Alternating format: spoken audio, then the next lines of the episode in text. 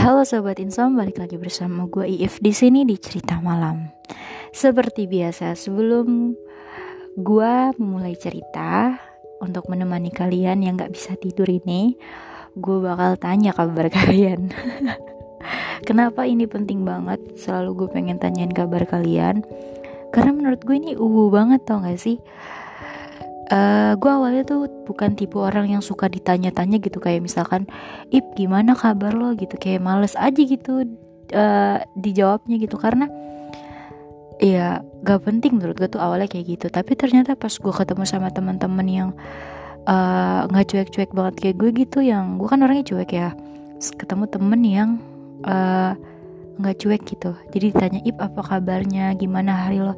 Itu ternyata terus menerus di dilakuin tuh kayak Ih gila ya ternyata ada juga orang yang peduli sama gue kayak gitu. Gue sih ngerasanya kayak gitu Makanya mungkin aja ini gue nanya kayak Apaan sih lu Ip? So-so nanya kabar tahu aja enggak Ya uh, paling enggak lu bisa cerita gitu sama diri lu sendiri Hari ini lu kenapa? Kayak gitu. Apa lu happy apa enggak Kalau gue sih gitu Apaan sih lu kayak gitu deh. Nah oke gue tanya gimana hari lo? Gimana hari lo dari mulai lo bangun tidur sampai sekarang mau tidur lagi? Gue harap sih kalian selalu happy ya karena karena happy itu terpenting loh dalam hidup. Beneran happy itu enak aja gitu. Ya iyalah. Siapa yang nggak enak kalau nggak happy ya kan? Iya pokoknya gue berdoa semoga kalian selalu happy di hidup kalian. Kayak gitu. Dan buat kalian yang ngerasa hari ini tuh kayak lelah banget capek kayak gitu-gitu terus lelah bosen sama kerjaan sama aktivitas yang sekarang kalian gelutin jangan jangan apa ya jangan kayak ngerasa aduh gue males deh. Jangan kayak apa sih namanya uh, menyerah bukan menyerah ya pesimis gitu kan tentang keadaan yang sekarang lo hadapin kayak gitu. Karena uh, pasti ada hikmahnya di balik ini. Karena gue pernah dikasih tahu sama seseorang yang banyak ilmu gitu kan. Kita hidup tuh di ih bukan kita hidup di hidup ini tuh seni melihat. Maksudnya gimana? Kalau uh, seni melihat aja. Kalau uh, kalau kalau kalau terus aja. Ya hidup ini seni melihat. Maksudnya uh, jangan melihat uh, kehidupan tuh di satu sisi aja. Coba kita lihat dari sisi B-nya. Sekarang kita sekarang melihat di sisi A. Coba cari sisi B-nya. Pasti ada. Kayak misalkan lu sekarang lagi capek nih uh, kerja banyak gitu kan. Contohnya misalkan aduh kerja gue banyak nih gitu kan. Gue capek banget kayak gitu gitu nah lu pikirin lagi oh iya alhamdulillah nih gue capek. Nih sisi lainnya contoh ya. Oh iya nih alhamdulillah gue capek kerja ya kan. Bukan gue capek nyari kerja. Bisa kan kayak gitu mikir. Ya gitu aja sih simpel-simpel aja gue mah mikir ya pasti setiap kejadian yang kita alami itu mau happy mau sedih itu pasti ada hikmahnya. Apaan sih? Udah udah udah udah. Gue gak masa tahu. Gak mau jadi orang soto ya anjay. Ngeri kali ya kalau gue jadi orang soto itu. Kayak gitulah. Pokoknya semoga gue harap kalian selalu happy di hidup kalian. Mantap. Oke kali ini gue pengen bahas tentang uh, kelahiran 98 oh my god gue belum gue lupa belum matiin notifikasi. Sorry guys. Oke okay. kali ini gue bakal uh, cerita pengalaman gue aja kali ya. Karena gue di sini belum ada temen lagi nih buat teman cerita buat temen ngobrol. Jadi gue sendiri aja kali ya buat nemenin kalian tidur. Oke okay, gue bakal cerita tentang uh, kesan-kesan menjadi anak kelahiran 1998 ya udah deh nggak usah nggak usah nggak usah lang nggak usah langsung ini apa namanya sini santai aja santai. Buat lo lo semua yang dengerin podcast gue terus jadi followers IG gue kita saling follow-followan. Pasti gue pernah ngebahas tuh di Teletubbies gitu tentang anak kelahiran 98 karena itu di Instagram dan di story aja gue bikinnya jadi kan nggak panjang tuh. Itu cuman poin satu poin aja yang gue bahas gitu kan. Nah kali ini tuh gue pengen ngebahas dari A sampai deh kalau bisa deh ya. Semoga kalian uh, bosen nih. Tujuan ah, tujuan gue bikin kayak gini juga karena kan kalian nggak bisa tidur nih kan. Nah akhirnya gue cerita nih karena nah cerita gue ngebosenin nih. Ya udah deh kalian tuh bosan bed pun ngeliat apa apa gara-gara podcast nah, akhirnya tidur. Nah tujuan gue sih itu sebenarnya. Oke balik lagi. Kita bakal bahas kelahiran 1998 Oke gini. Gue kelahiran 1998 Bener. Menurut gue kelahiran 1998 itu kelahiran yang tangguh coy. Karena Wih, nggak ngerti lagi deh. Banyak banget tuh cobaan yang ada yang nimpa anak 1998. Uh, eh, Oke, kita mulai dari start awal ya. Gue lahir tahun 1998. Gue brojol nih di tahun 1998 kan.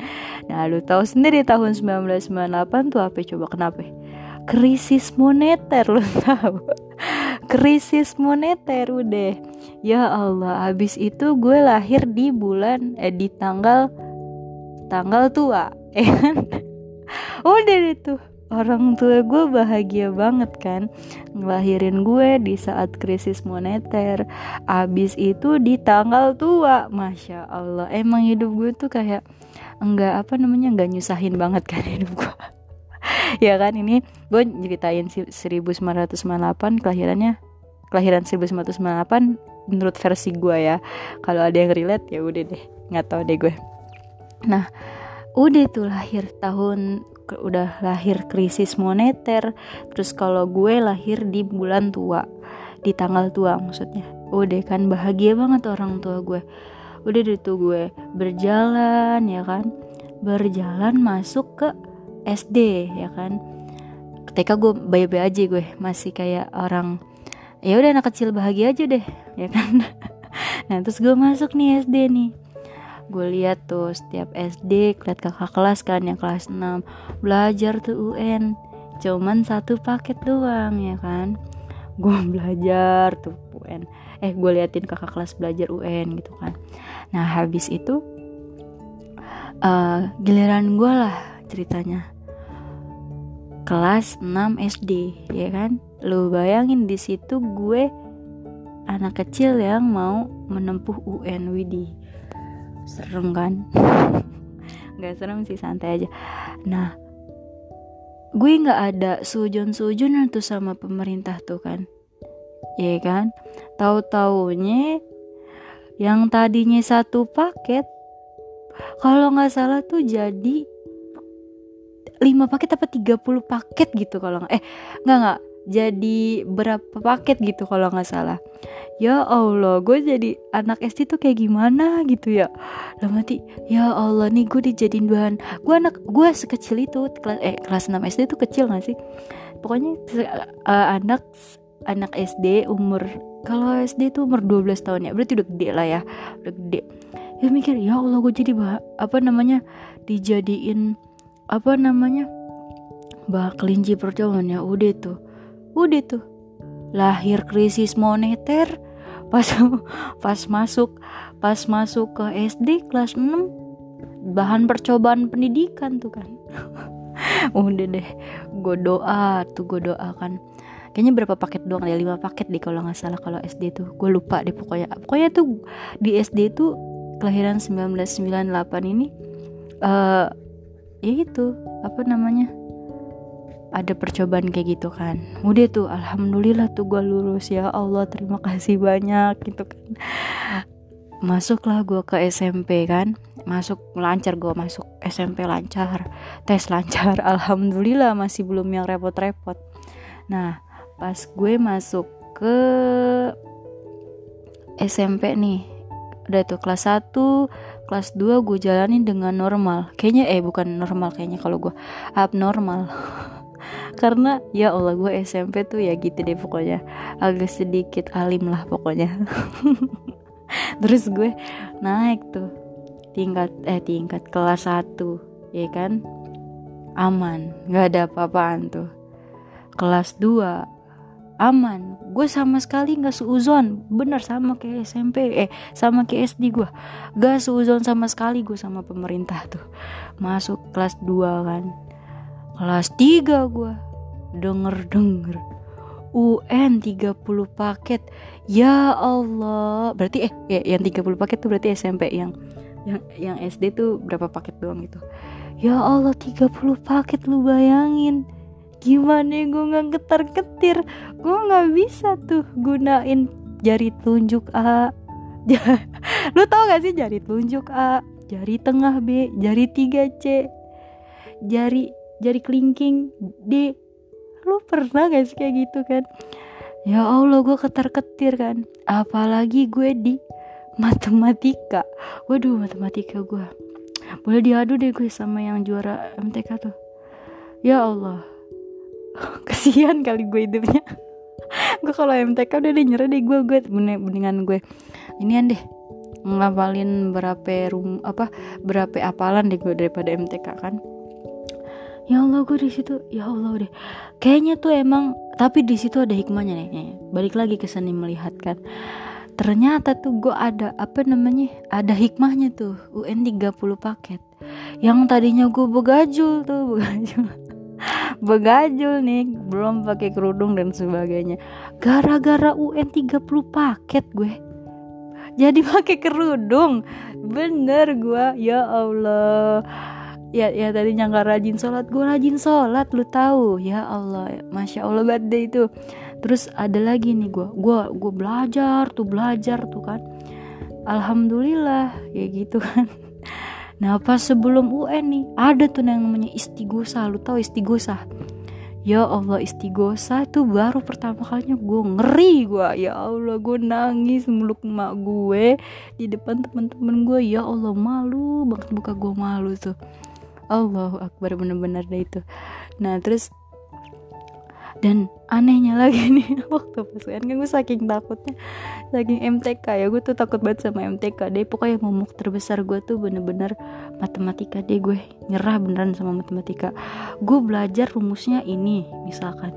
Nanti pas udah soal ya Allah beda lagi tuh rumus tuh. Lebih susah lu tau. Nanti gue ini yang diajarin ini yang keluar begini ya Allah kalau bisa banting meja depan gurunya gue banting meja itu beneran super susah banget otakku gak bisa nalar kayaknya deh tuh. Itu pas jadi kan gue paling takut MTK tuh pas mau hari hamin satu kalau nggak salah tuh. Gue nyuci kaki emak gue lu tahu. Lo kon itu gak gue nyuci kaki emak gue ya Allah.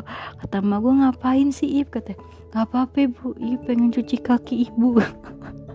Gue cuci kaki emak gue ya udah tuh katanya suruh minum gak mau gue bawa sikil. Bercanda.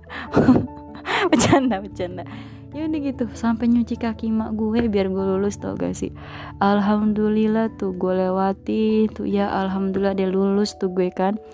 Masuk lagi nih kan gue ke SMP tuh. Ujian kedua eh ujian ke berapa tuh? Ketiga istilahnya Maya di. Tahun 1998 tuh kelahiran. Di versi gue. Gue masuk SMA gue udah yang dua kali tuh gue SD gue di bahan percobain SMP gue di bahan percobain. SMA gue seuzon nih SMA seuzon. Kalau kalau kemarin nggak seuzon tuh SD SMP SMA gue udah seuzon nih. Dalam hati gue mau ada apa lagi nih SMA nih? Pemerintah dalam hati gitu kan. Tingkat satu masih aman tingkat eh tingkat satu kelas satu gue masih aman nih. Oh tapi tetap suzon tetapi kayak oh belum. Masih gitu nggak bukannya oh nggak ada nih kalau gue oh belum nih. Bener aja tuh pas mau naik ke tingkat eh ke, ke kelas 2 SMA yang tadi kan kurikulumnya KTSP tuh ya kan? KTSP tiba-tiba diganti ke kurikulum 2013 gue gak ngerti tuh konsep kurikulum 2013 tuh kayak gimana tuh waktu pas gue di SMA kan biasanya kalau misalkan kita KTSP kan uh, belajar tuh uh, apa namanya gurunya guru nerangin. Terus habis itu kita dengerin ya kan gitu. Terus katanya itu nggak efektif tuh. Harusnya kita berkelompok. Nah pas gue masuk ke kurikulum 2013 udah gue kayak orang cengok. Udah gitu gue masuknya ke IPA ke IPA tuh ya Allah gue masuknya IPA di situ tuh ada hitung-hitungan semua fisika matematika. Ya Allah udah tuh gue. Bengong gue paling bego gue di sekolah lu tahu. Paling bego gue karena ya Allah udah deh. Nih temen gue yang pintar mah diskusi tuh gue gue cuman ngeliatin aja. Tuh orang ngapain gitu kan? Gue nanya tak dulu ip bentar. Ya Allah sedih banget gue digituin tuh waktu pas SMA tapi gue nggak sih bercanda bercanda teman gue baik-baik semua. Kalau kalau nanya dijawab gitu kan. Cuma kan karena emang otak gue bebel aja jadi mereka malas kali ya. Kalau gue minta, minta ajarin udah tuh nggak jelas tuh kata SP tuh 2013 dan nanti gue nih pemerintah nih ngadi-ngadi nih kata gue gitu kan. Terus udah tuh kan. Eh ada lagi nih gue dapet hikmahnya lagi balik lagi. Hidup itu seni melihat ya kan oh iya nih gara-gara kurikulum kurikulum 2013 gue jadi rajin belajar gue. Ya udah alhamdulillah gue rajin rajin belajar karena gue nggak mau paling bego kan di kelas kan. Ya udah tuh gue belajar tuh. Ya walaupun gue belajar MTK ya uh, belajar kelas 1 gue ngertinya di tingkat 3 eh di kelas 3 ya nggak apa-apa gitu kan. Ya habis guru gue waktu SMA di apa namanya di SMA tuh guru matematika di SMA gue tuh waktu itu pas tingkat satu dia belajar sama tembok lu paham gak tuh? Ya kayak gitu deh pokoknya. Udah kan tuh terus habis 2013 balik lagi tuh uh, yang nilai kan awalnya rapotnya A B C D gitu kan. Kalau misalkan nilai tiga berapa eh kalau tiga berapa tuh kita jadi A kalau tiga berapa baik lagi. Nah udah bener-bener tuh nilai gue tuh begitu kagak ada ranking kan di situ. Balik lagi ke kurikulum ke kurikulum KTSP ya Allah dalam hati gue ini repot banget repot kan. Udah tuh gue ubah lah tuh repot tuh. Apa namanya ganti nilai ganti nilai udah tuh semua tuh. Alhamdulillah sih pas di konversi ke KTSP nilai gue ya begitu bercanda. Ya mending lah gitu kan nggak yang bego-bego banget lah tuh rapot gue udah tuh nih mau ngapain lagi nih pemerintah? Masih suuzon gue nih masih suuzon tuh. Pas gue nih kelas satu itu kan tingkat dua tuh yang crowded banget tuh dari KTSP ke kurikulum 2013 terus balik lagi ke KTSP nah habis itu gue naik tingkat tiga nih. Gue masih suuzon aja sama pemerintah nih tingkat tiga kelas tiga nih. Bener aja lu tahu. UN jadi UNBK komputer. Lu bayangin ya Allah bayangin komputer tuh kata gue nih ada ada lagi. Terus kita semua tuh waktu pas gue SMA tuh gue uh, kita bingung tuh apa namanya takutnya tuh servernya gimana. Terus kayak uh, kalau misalkan mati terus gak kesimpan apa gimana gitu deh bayangannya. Udah serem banget tuh waktu ke UNBK udah tuh belajar lagi. Terus habis itu tapi ada hikmahnya lagi tuh UNBK SMA gue tuh. Kalau nggak salah tuh UN-nya jadi 40% alhamdulillah tuh kan kalau dulu UN SMA uh, eh, apa namanya lulus sebagai penentu ya. Oh, gue mikir lah gitu ada jeda kan. Nah terus habis itu kalau pas zaman gue itu alhamdulillah itu ya walaupun KTSP jadi uh, dua, kurikulum 2013 balik lagi ke KTSP terus UNBK tapi hikmahnya UN-nya itu uh, jadi penutupnya cuma 40% di situ. Terus uh, uh, ke, ah, penentuan penentuan untuk kelulusannya ada dari sekolah juga. And, nah, alhamdulillah tuh gue tiap hari belajar kan karena UNBK itu kan. Sama paketnya juga beda katanya. Sama kayak SMP paketnya beda-beda. Ya Allah lo tahu gue nggak bisa A B C D pakai tangan. Bercanda bercanda bercanda. Kayak gitu kan. Terus habis itu ya udah tuh. Gue belajar setiap hari balik balik balik sekolah gue les balik sekolah gue les balik sekolah gue les. Alhamdulillah pas UN gue tipes. Bener gue tipes itu ya Allah. Beneran deh aduh gue nggak ngerti lagi deh tuh. Tipes tuh.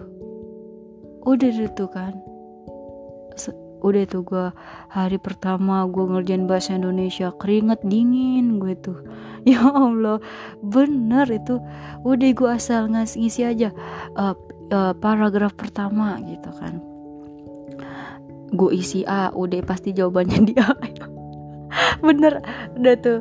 Abis itu ke sana sananya gue masih sakit pokoknya UN gue tipes deh tuh alhamdulillah gitu kan.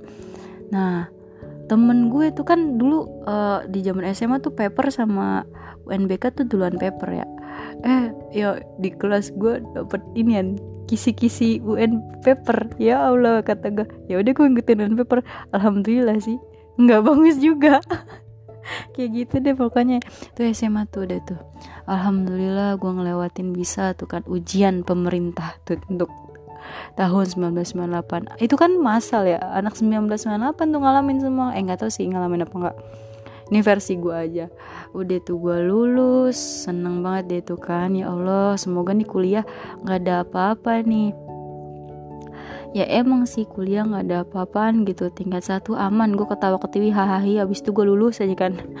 Lulus nih masuk kerja nih gue nih. Ya Allah gue kan di bidang kesehatan gue di bagian radiologi. Yang tukang ronsen ronsen ya kalau nggak tahu radiologi bukan bukan radio dalam ya. Radiologi.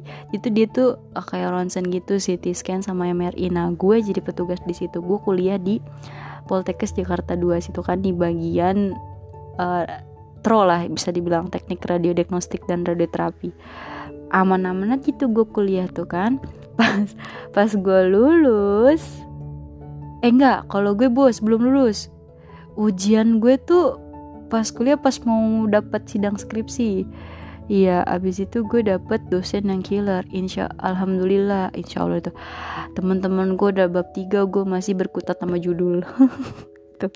versi gue kelahiran 98 terus habis itu gue lulus kan sama teman-teman gue nih.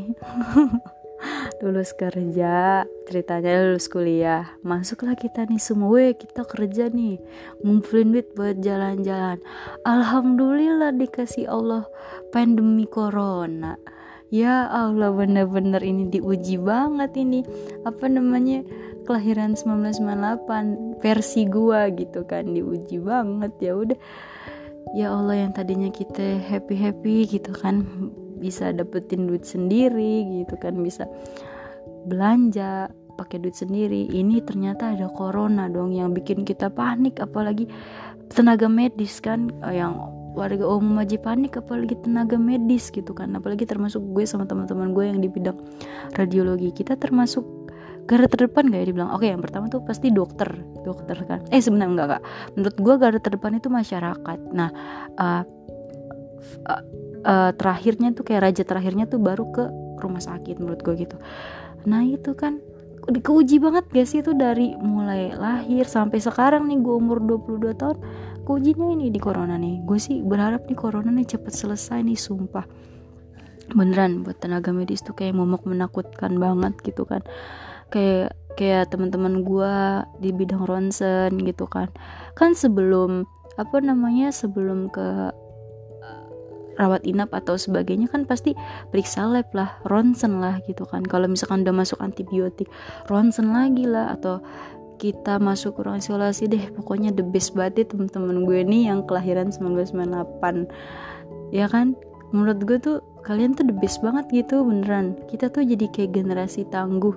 Gak menurut bukan tangguh juga sih kita tuh transisi masa transisi kan kalau misalkan 98 ke atas tuh mereka tuh kayak tough gimana sih kayak orangnya keras-keras gitu. Kalau kita tuh kalau kita tuh bener-bener masa transisi menurut gue terus habis itu uh, ke uh, generasi yang 1999 ke bawah itu kan mereka tuh nggak bisa batik kerasin. Kalau anak 98 itu kondisi kayak gini tuh keras bisa lembek. Gimana ya? Dikerasin nggak bisa dilembekin nggak bisa. Jadi kalau eh bukan bukan. Kalau di, dikerasin bisa dilembekin hayu gitu. Kalau 1998 tuh gitu menurut gue ya generasi gue kayak gitu. Jadi buat kalian yang seangkatan sama gue gue harap sih kalian pribadinya yang tough ya ya beneran dah. Gue salut banget ya sama anak-anak generasi 1998 oh iya ada juga nih temen gue yang 1997 waktu kuliah kan. Sebut aja dia. Nggak jadi ya sebut aja dia inisialnya uh, Nazwa gitu. Saja dia inisialnya Nazwa gitu kan. Nah terus habis itu dia masuklah dia tuh kelahiran 97 7 deh kalau nggak salah. Terus abis itu dia masuk ke 98 kata dia. Gue menyesal masuk ke 1998 kata dia gitu. Ya gitu deh pokoknya deh. Kejadiannya ada aja nih tiap tiap apa ya tiap tragedinya tuh pasti di 98 gitu kan. Nggak ngerti deh pokoknya kayak gitu. Terus uh, anak 98 tuh punya cerita lagi. Uh, kalau dibandingin anak 97 9 apa 9 ke atas tuh 96 ke atas itu pasti muka kita tuh lebih dewasa daripada mereka-mereka. Beneran dewasa gitu. Ya Allah gue dibandingin 97 96 ke atas tuh muka gue tua banget lo tahu gak sih? Ya Allah apa cuman gue yang ngerasa apa emang muka gue yang tua apa emang generasi 98 tuh mukanya kolot-kolot beneran dah. Lu liatin aja satu-satu. Kalau dibanding sama umur yang 30 kira-kira sama lah gitu. Bercanda bercanda. Ya intinya dari semua yang gue ceritain tentang 1998 kelahiran 1998 versi gue menurut gue itu kita pribadi yang sangat tough gitu kayak tough betul tough tough tough tough. Apa lu tough tough kayak tau aja. Maksudnya kayak tangguh gitu kan tangguh aja menurut gue generasi 1998 diuji coba terus tetap aja bisa ngejalaninnya. Kayak gitu sih menurut gue cerita gue kali ini. Gak jelas kan pasti lo semua pada bosen dengar cerita gue. Ya sengaja itu gue pengen bikin kalian bosen. Kenapa? Karena kan kalian gak bisa tidur terus lu ngedengerin gue yang gak danta terus langsung gue sih harap kalian langsung bad mood terus males gitu buka aplikasi lainnya. Gue mendingan tidur daripada unfaedah kayak gini. Kayak gitu. Ini cerita gue sih. Tentang 98 1998 nah kalau ada kalian yang pengen nambahin cerita gue tentang uh, kelahiran tahun 1998 bisa ngobrol sama gue deh. Bisa DM ke gue tuh di cari aja nama gue tuh uh, Miftahun NB di IG bisa DM terus kalau misalkan mau cerita-cerita sama gue boleh di sini di podcast gitu kan. Asik gue suka bikin podcast. Ya walaupun gak ada yang dengerin ya bodo amat juga ya. Karena gue suka cerita aja.